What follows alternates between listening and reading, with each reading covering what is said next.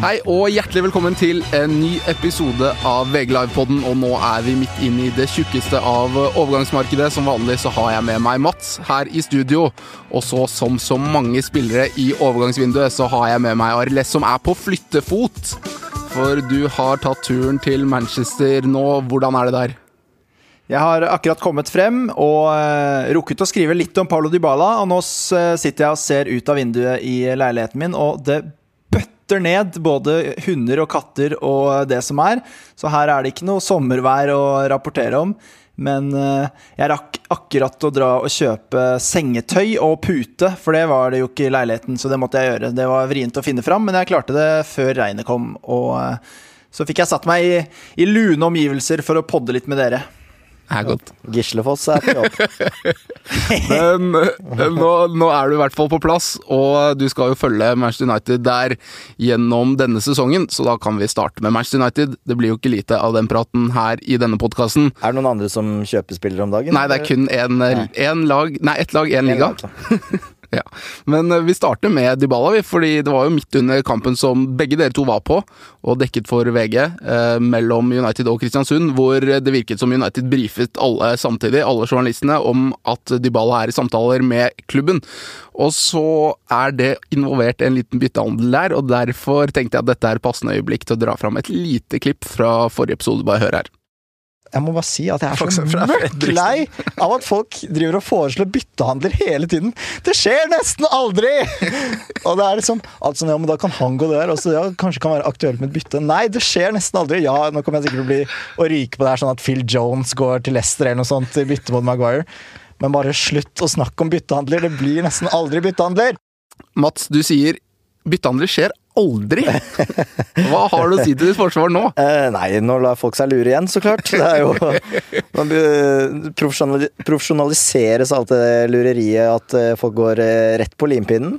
Så det er bare å ha is i magen, og så skal ikke det her jinxes eh, noen veier. Um, har du trua? Blir det byttehandler? Nei, det blir jo aldri byttehandler, så det, der må folk bare ta det helt med ro. Eh, det er ikke vits å bekymre seg i det hele tatt. Det det er bare å sette seg tilbake i stolen igjen, lene seg bakover og vente, og så Nei da. Men uh, vi får se. Det er jo det er et morsomt rykte, da, men uh, Ja, det er helt vilt rykte. Det er FM-nivåer på dette ryktet her. Uh, Solskjær er stor FM-spiller, men Arles, god byttehandel for United. Lukaku ut, Dybala inn. Hva tenker du? Jeg syns jo det virker som en fantastisk deal egentlig for alle parter. Dybala har jo ikke helt klart å finne seg til rette Eller han uh, har jo klart å finne seg til rette i Juventus, men han har ikke klart å, å, finne seg helt til rette i laget etter at Cristiano Ronaldo kom inn. De tråkker hverandre litt på tærne, de to uh, store stjernene, og han uh, kan jo kanskje få en liten ny vår i Manchester United hvor han vil være kanskje den aller største offensive stjernen. Og så tror jeg at Romelu Lukaku definitivt kommer til å få Eh, det bedre i Juventus, hvor jeg tror han kommer til å bøtte inn mål. Det er jo en eh, fantastisk spiss. Eh, det har bare ikke funket så godt for han i Manchester United. Så jeg har jo egentlig veldig tro på at dette kan være en positiv greie for begge parter. Når det er sagt, da, for i Mats forsvar Jeg leste Miguel Delaney i The Independent tidligere i dag, som skrev at at eh, diskusjonene mellom Juventus og, Manchester United det går veldig bra, men at det eh, er mer og mer usannsynlig at det faktisk blir en byttehandel rent teknisk. Eh, fordi at det er, som vi har, som vi har nevnt, ekstremt komplisert å, å fullføre generelt sett. Og så, og så skriver han at f.eks. United er nødt til å betale Everton en klausul Eh, for Lukaku, og at det dermed vil være veldig komplisert å få dette i land hvis det skulle være en ren byttehandel. Så det som er mer sannsynlig, er at eh, de går hver sin vei til hver sin sum, men at eh, det kan fort hende at det er på en måte samme sum, men at, at det ikke er en ren byttehandel teknisk sett, da. Det, det, er kanskje litt komplisert der, men, men, dere skjønner hva jeg mener. Ja, der fikk vi den. men uh, en ting som uh, relatert til det der, da, er at når jeg ser reaksjonene til mange United-fans Eh, rundt de ryktene, så jeg skjønner ikke hva folk tenker og driver med. Fordi nå er det altså et lag eh, blotta nesten for kreative offensive spillere mot sånn type ja, 90% av kampene United spiller er mot eh, svakere motstand. I utgangspunktet burde være det. Eh, og de har slitt nå på hjemmebane, spesielt i flere sesonger, med eh, at de ikke har noen som klarer å, å åpne opp da, og skape skape sjanser og avgjøre matcher. Og så er folk sånn der Ja, men Dybala han er så stor stjerne, det er ikke det United trenger nå. Men de trenger da for søren gode spillere. De må jo ha stjerner inn i det laget der. Og han er Hvor gammel er han? 25 år? Eh, det er liksom Slapp av lite grann. Det er det er liksom, det er, selv om han er en god spiller, så betyr ikke det at eh, United på en måte bare har gått for et navn, da. Nei, men det jo, ligger jo latent en frykt i for mange Manchester United-supportere å gå i den fella som de har gjort med Di Maria, Falcao, eh, nå med Sanchez. Men eh, det er jo en, litt en følelse av at man eh, Det er jo mange som har sagt dette før meg, da, men at man kjøper seg en Ferrari mens hustaket holder på å falle sammen her. Eh, at man ikke prioriterer de riktige tingene. Jo, men jeg, er det sånn at det ene må ødelegge for det andre? tenker Jeg da. Jeg tror ikke det er sånn at fordi Dybala kommer inn, så skjer ikke Maguire, f.eks. Eh, jeg tror ikke det er det det handler om i det hele tatt. Hva tror du? Jeg tror, jeg tror, også, jeg tror også Maguire-avtalen er litt atskilt eh, fra resten her. Det virker veldig sånn, men det er jo interessant det som sies om om stjernespillere og sånn. Ole Gunnar Solskjær har jo gått uh, tydelig ut og sagt at han ikke ønsker at man skal uh, gå i de samme fellene som han har gjort før, en sånn superstjernestrategi. Uh, når det er sagt, så, så kom jeg på da disse Dybala-ryktene begynte å svirre, at jeg hadde hørt Solskjær snakke om Dybala tidligere. Og det gjorde han i, i Fotballklubben-podkasten i mars.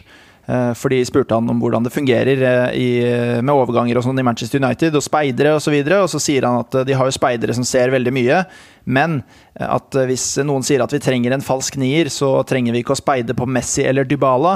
Du trenger ikke å være rakettforsker for å si at han tar vi, sa Solskjær da. Ehm, så det er åpenbart en spiller som han i hvert fall går god for, eller i hvert fall gikk god for for fire-fem måneder siden. Ja, United, Her er mitt, mitt ståsted i akkurat Dybala-overgangen. er At han er en spiller som er søkende etter ball, vil være en, en eh, veldig aktiv del av angrepet.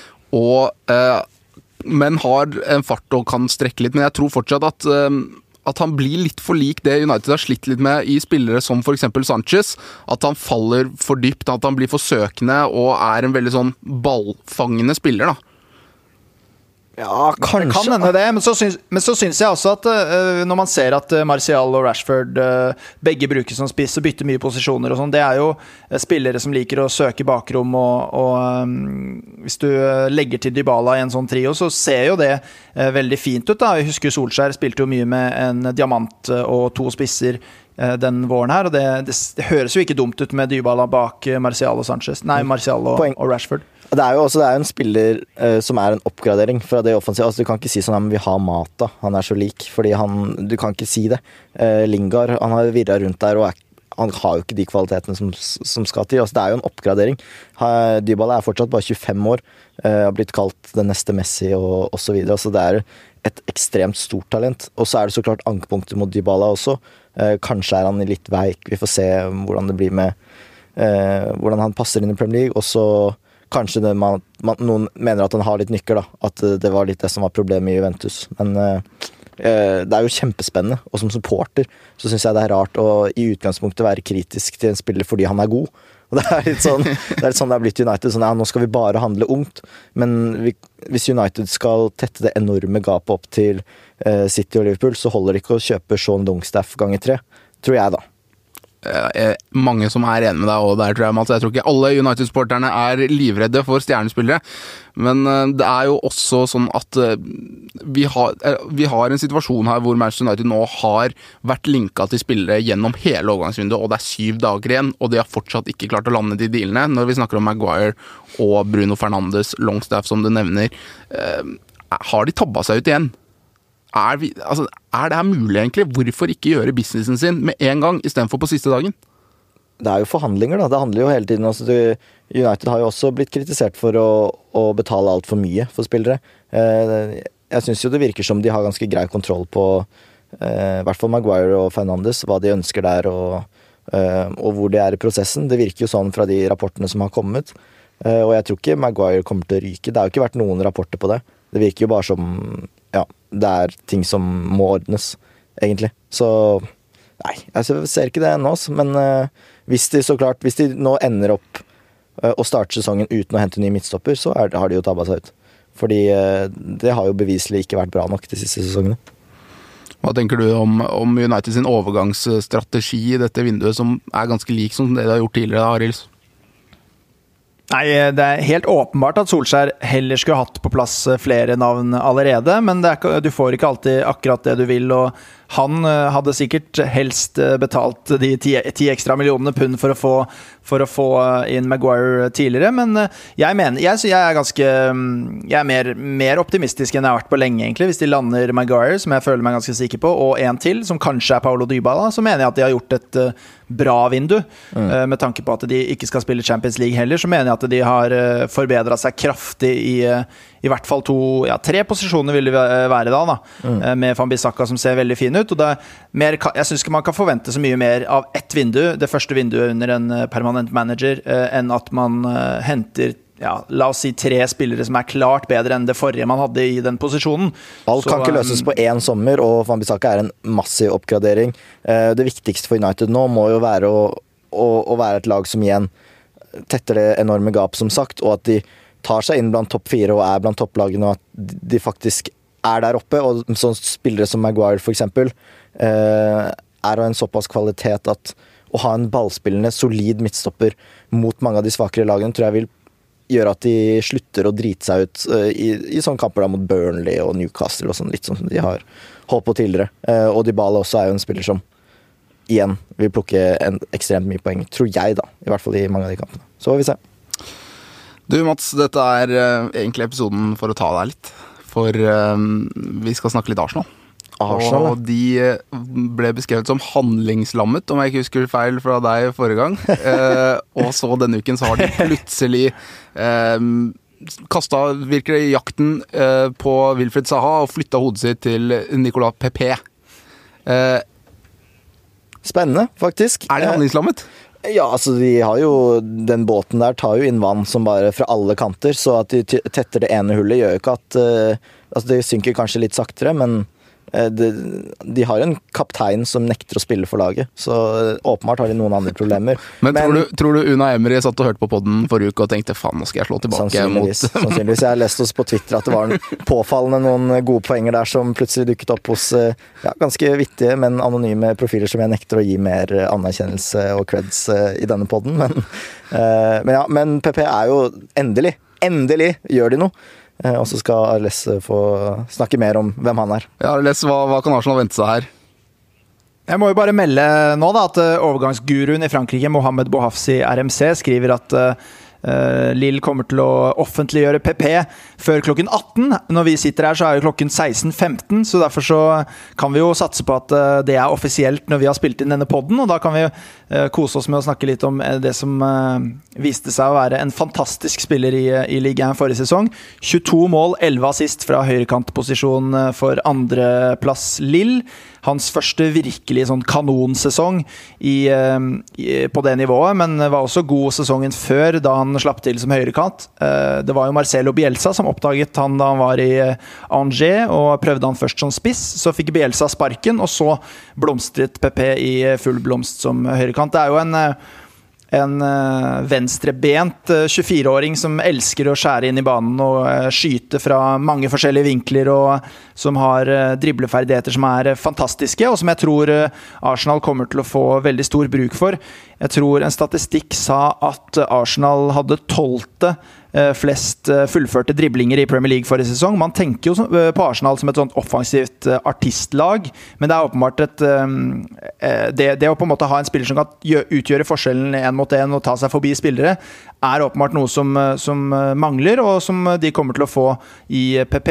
Og jeg tror han kommer til å være fantastisk, et fantastisk tilskudd i en trio med Lacassette og Aubameyang. For det, det, virker som tre spillere som kommer til å komme veldig godt overens, og som har noen kvaliteter som, som uh, passer, da. Så jeg ville vært litt bekymra hvis jeg skulle møtt uh, Arsenal denne sesongen og vært uh, litt treg. Litt treg forsvarsspiller. Og så har vi fått inn Sebajos også som Altså det Åpenbart, de har jo fått inn noe. Og, og, og, sånn sett så Altså, det er ikke helt bekmørkt der. Det kunne vært, vært dårligere stilt, men jeg tror nok helst de skulle hatt en stopper, så får vi se, da. Rob Holding, som jeg syns er litt, kanskje litt undervurdert hos mange ja, vi får se da om han holder seg skadefri og, og tar ansvar. Men jeg synes jo det, er, det må jo være en enorm opptur. Jeg merket jo det på Twitter også blant Arsenal-fansen. Å endelig på en måte komme seirende ut av en sånn overgangssaga mm. som, eh, som, man har fulgt gjennom hele sommeren. Det har jo vært Liverpool som har vært sterkest linket til PP eh, hele sommeren. Og så har det vært Napoli, til en viss grad Manchester United, selv om det ikke nødvendigvis eh, stemte. Og så er det Arsenal da som ser ut til å komme seirende ut av det. Jeg tror det jeg tror det gir Emery eh, litt plusspoeng. da. Det, det døyver i hvert fall litt frustrasjonen hos Arsenal-fansen. Og så må det jo selvfølgelig bli bra i praksis, men, eh, men jeg syns det er lovende at Arsenal klarer å hente en sånn spiller som er såpass ettertraktet i Europa. Det er jo bare United og Arsenal av de topp seks-lagene som på en måte må handle, og, og gjør det, da, fordi Chelsea har ikke noe valg. De må bare hente en av de tusen lånespillerne sine, som Kurt Zuma, som, som Mourinho også snakka varmt om. Eh, og så har vi City og Liverpool som virker å ha det meste på plass. Det eneste er City med Sané. Der er det fortsatt ikke noe nytt siden sist, ennå. Eh, det er faktisk noe nytt. Er det noe nytt? Ja, jeg vil faktisk trekke fram en liten ting her. For vi snakka om forrige episode at eh, det var så gøy at disse Bayern-gutta var og meldte. Mm. Men denne uka så har Niko Kovac fått kjørt seg ordentlig i tyske medier for å ha vært utanmeldt. Han fikk eh, kjeft av eh, Bayern CEO, Karl-Heinz Rummenigge, for å snakke om en annen lags spiller på den måten, og han gikk til og med til det steget å ringe Pep Guardiola og si unnskyld for at han har vært utanmeldt, så sa ned opp overgangen. Det er tynn tråd nå. Bayern begynner å bli livredde for at eh, Manchester City er møkk lei av hvordan de oppfører seg. Men ja, du kan fortsette poenget ditt. Uh, ja, ja, men det er ikke alle som liker at uh, folk uh, er litt frittalende. men ja, det er som sagt, så altså, får vi se. Jeg synes Vi må bare se hvordan det vinduet ender for Arsenal og United. Fordi spesielt United, da, hvor det virker som ting er på veien, så tror jeg man skal puste med magen enn så lenge. Men hvis, noe, hvis de ikke får inn først og fremst en midtstopper og en av de to offensive, minst en av de to offensive som snakkes om, så er det jo ikke like bra, da. Men eh, ja.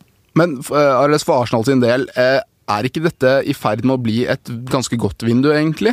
Hvis PP kommer inn, Ceballos Det eneste folk kanskje skulle ønske seg, var en stopper, da. Men de er ikke langt unna å, å treffe på alle punktene ellers.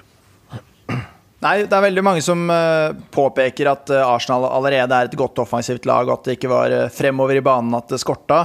Det er for så vidt et fair poeng, men jeg mener at Ceballos og PP fyller to enorme hull da, offensivt som man ikke skal kimse av. Og så, og så, må man jo selvfølgelig håpe på at i hvert fall Tierney eller en annen venstreback kommer inn, og, og kanskje en midtstopper. For de alle de, så eh, er det et veldig, veldig godt vindu. Da, da tror jeg ja, De fleste har vel Chelsea som favoritt til fjerdeplassen. Da tror jeg de skal uh, passe ryggen sin litt, for da tror jeg Arsenal blir farlig.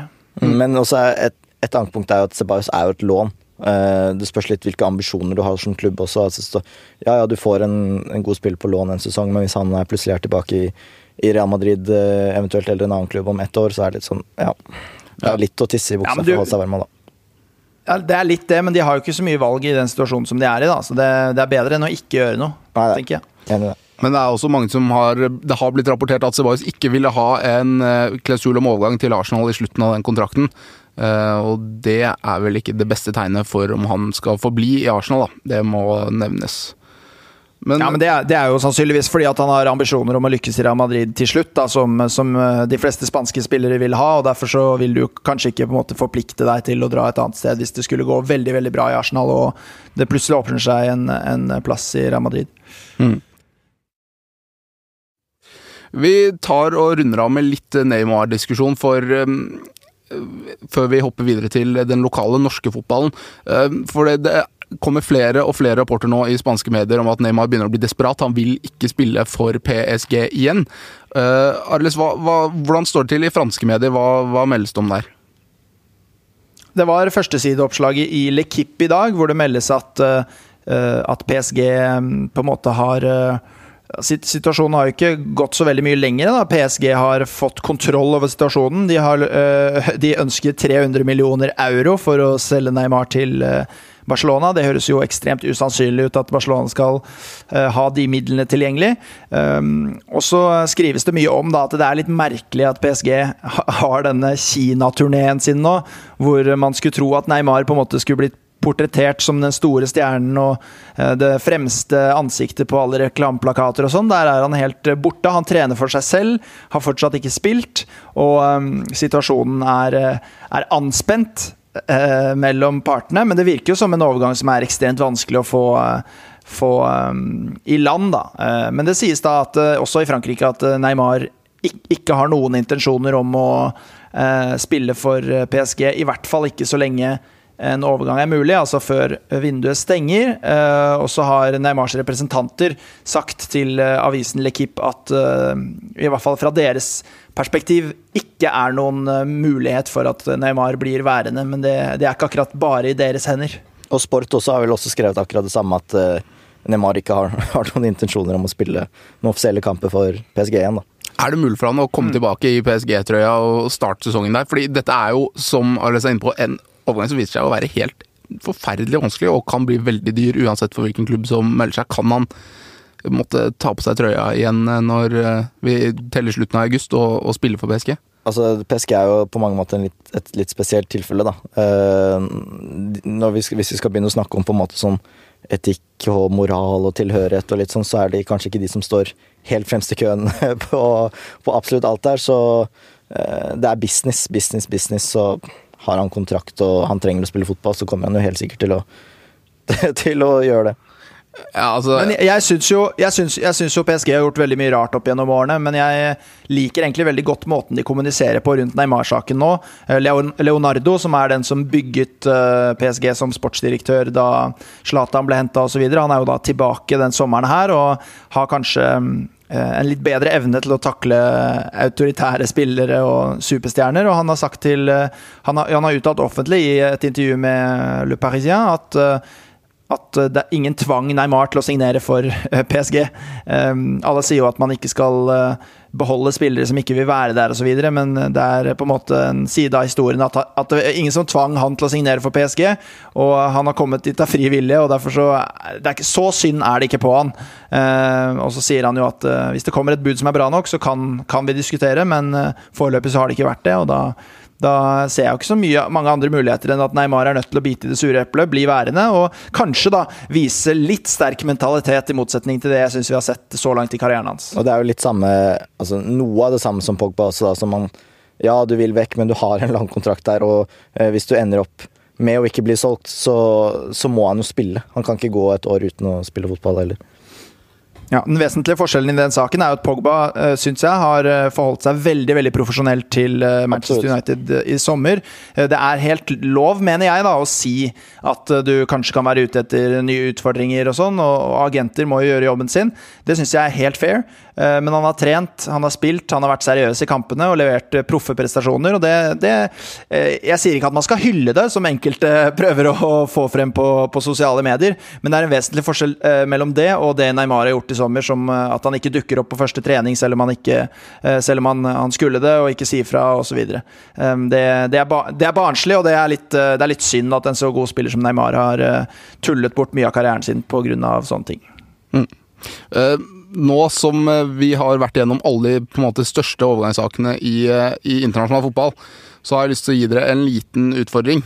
For um, det nærmer seg jo slutten på overgangsvinduet i England, og etter hvert også internasjonalt. Og da tenkte jeg at vi kunne ta en liten lek, rett og slett. Hvor vi, hvor vi kommer med litt spådommer. Oi, oi, oi. Hvor vi kommer med litt spådommer. For jeg tenker at vi bare går gjennom spiller for spillere, og så skal dere begge få lov til å gjette hvilken klubb de spiller i når vi skriver 1.9. Ja. Er det enkelt å forstå? Eh, ja, det var ganske enkelt å forstå. Det synes jeg altså. Greit. Jeg sier et navn, dere sier klubb. Ja. Er dere med? Ja. Ariles, høres det greit ut? Jeg er med. Gull. Da starter vi der vi slutta, med Neymar. Eh, PSG. PSG. Oh. Så ingen tror han flytter på seg. Da går vi videre til Dybala. Uff. Oh, Manchester United. Det er så tungt for meg å svare på denne. Uh, Juventus. Paul Pogba. United. Uh, Manchester United. Harry Maguire. Manchester United. Manchester United. Fy fader, du tror på et eh, bra Det er et kjempevindu for Manchester United. Der, eh, for er det Woodward vi har fått med på telefonen? Jeg har jo lyst til å ha, ha et par ålreite spillere i byen her, da. Ja. Det er greit å ha noen å henge med også, hvis det blir litt kjedelig av borte. Fine middager og, og kos Ellers så har jeg ingen å se på på San Carlo. Ja. Jeg møtte faktisk Darmian der en gang. Sammen Spiser dere Jeg sammen? satt, jeg satt, Jeg gikk jeg satt, på, jeg satt på nabobordet til Luca Dini eh, på Boxing Day, et, eh, altså et par timer etter at han hadde skåret et helt sinnssykt mål eh, for Everton nå i jula. På San Carlo i Manchester. Stas. Det er faktisk ganske stas. Det er, ja, det er stas, vet jeg ikke hva er ordet, men det er i hvert fall uh, hyggelig å menge seg liksom. med, med fiffen, uh. Har du flere spillere, eller? Jeg hadde ikke noen flere nå, men har, hvis dere har noen flere forslag, så kan dere godt kaste det ut. Nei, jeg har ikke det. Dessverre. Leroy Sané, da. Hva med Sané? Oh, City. Bayern. Jeg tror han, er i, jeg tror han drar til Bayern, faktisk. Jeg mener vi husker, jeg hadde en sånn her lek for noen år siden òg. Jeg tror jeg traff på sånn én av ti. Man gjør som regel det. Altså. Ja. Det er ikke lett å spå, og de fleste blir jo faktisk. Men eh, vi flytter hodet vårt eh, vekk fra internasjonal fotball nå og snakker litt norsk, for det skjer faktisk helt sykt mye i Eliteserien den siste uka. Uh, nå er liksom overgangene i gang med å gå igjennom. Uh, mm. Det er 1. august, og nå er det en klubb som har gått helt crazy på overgangsmarkedet. De har mista to spillere, og har vel handla seks i Sarpsborg nå.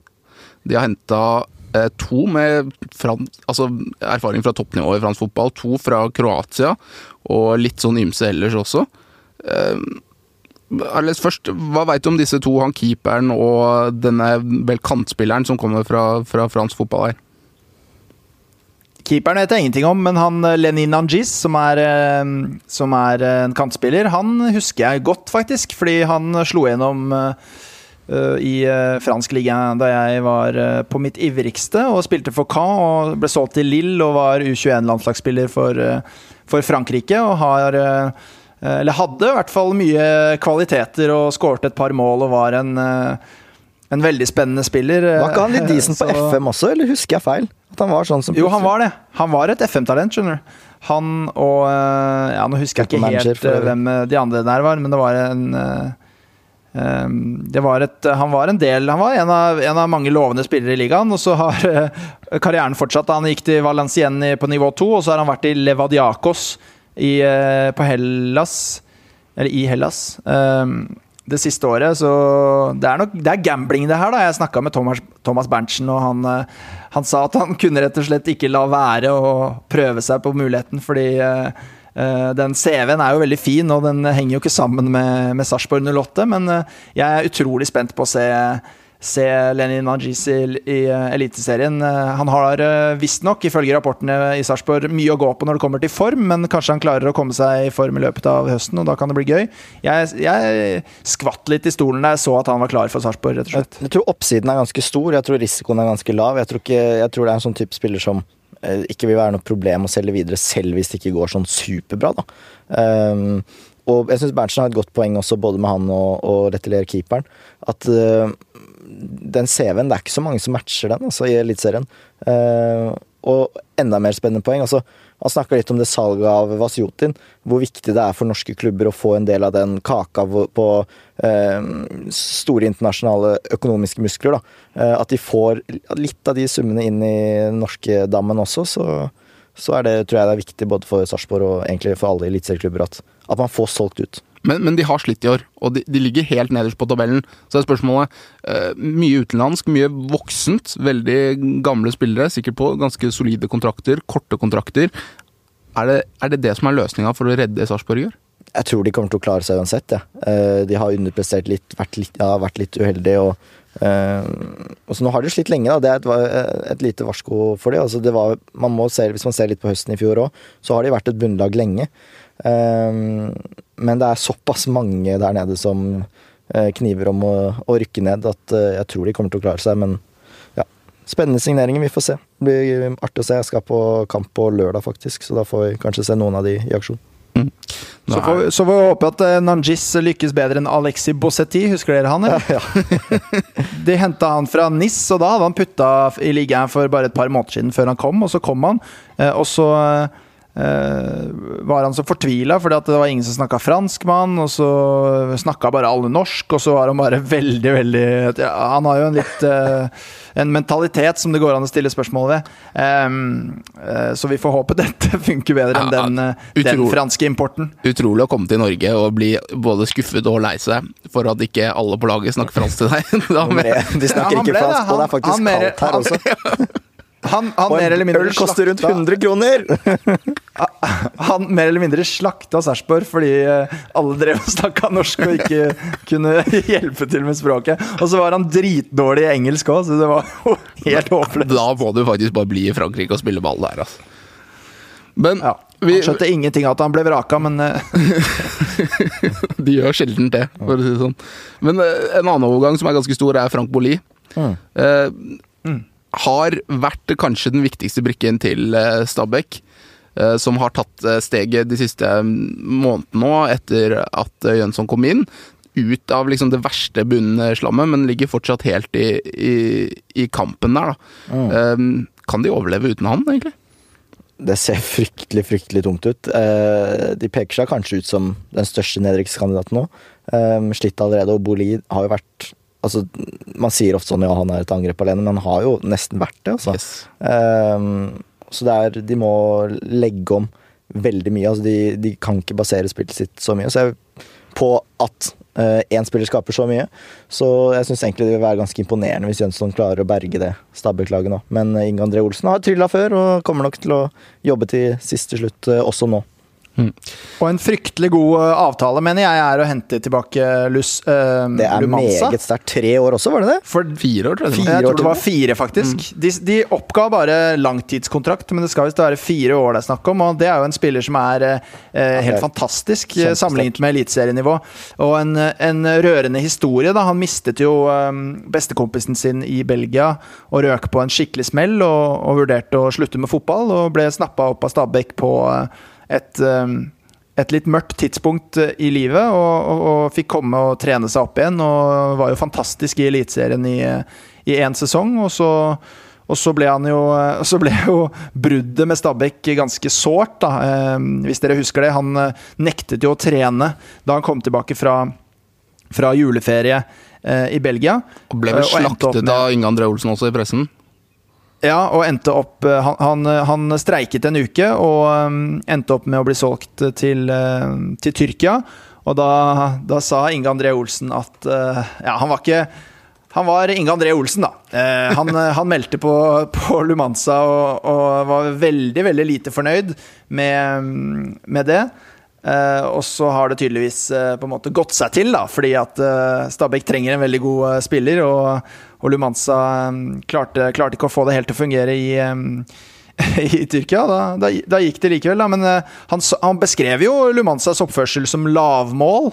Uh, og uh, sa at han ikke hadde respekt for klubben, og at det var så mange i Stabæk som hadde hjulpet han, og da er det skuffende at han svarer dem på den måten og sånn. Men de har tydeligvis klart å, å, bli venner igjen. Jeg tror Lumanza sa noe sånn som at man krangler alltid med familien. Hvilken familie er det ikke som, som ikke har krangler og sånn? Så. Det er på en måte to måter å se det på. Det er enten det at i nøden så spiser fanden fluer, eller så er det at det er ganske koselig at de har klart å, å gjøre opp i det, da. Det ja, jeg, tror, jeg, tror jeg, jeg, Kjenner jeg Inge André Olsen rett, så er han på en måte kynisk nok til å hoppe på en eh, god sportslig eh, mulighet eh, når han har muligheten, da. Mm. Det hadde vært dumt å søle bort det, for det er jo en kjempedeal. Fordi når det gjelder Boli, så Um, har de fått en klekkelig sum for han nå. Ferencvaros har nok fulgt han i ganske lang tid. Um, nå blir han lagkamerat med Tokki nede i Ferencvaros. Uh, han hadde visst fått uh, spørsmål for en liten stund siden om, om Boli, da. Og um, det blir spennende å se om han hvordan han vil være, eventuelt om de kommer seg ut i Europa. da. Uh, Ferencvaros nå har Dinamo Zagreb, tror jeg. Også hvis de vinner den, så er de garantert Europaliga. Og kan møte Rosenborg i, i playoff. playoff. Det hadde vært kult. Mm. Det hadde vært et gøy oppgjør, for det er jo mange som mener at Rosenborg bør hente spiss òg. Og mange har jo pekt på Frank Boli som et alternativ der, så det kan jo være gøy å se om han plutselig senker dem.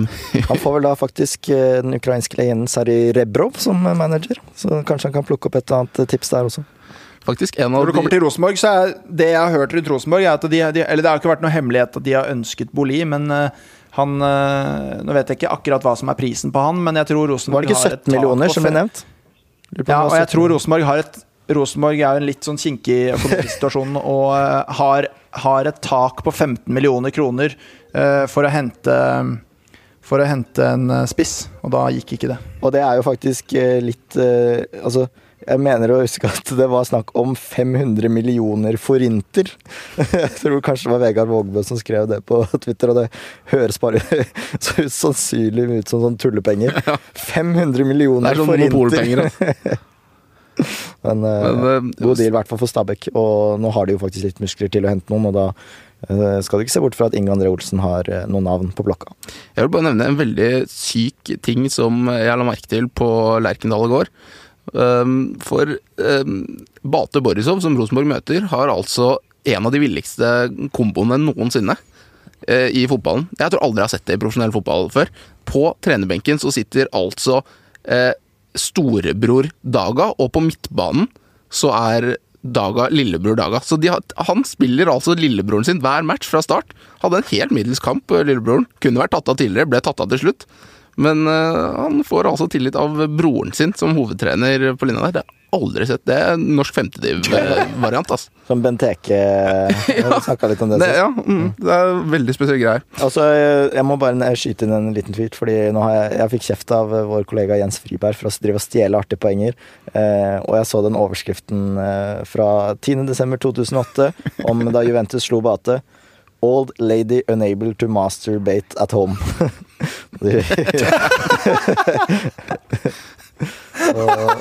der har du den.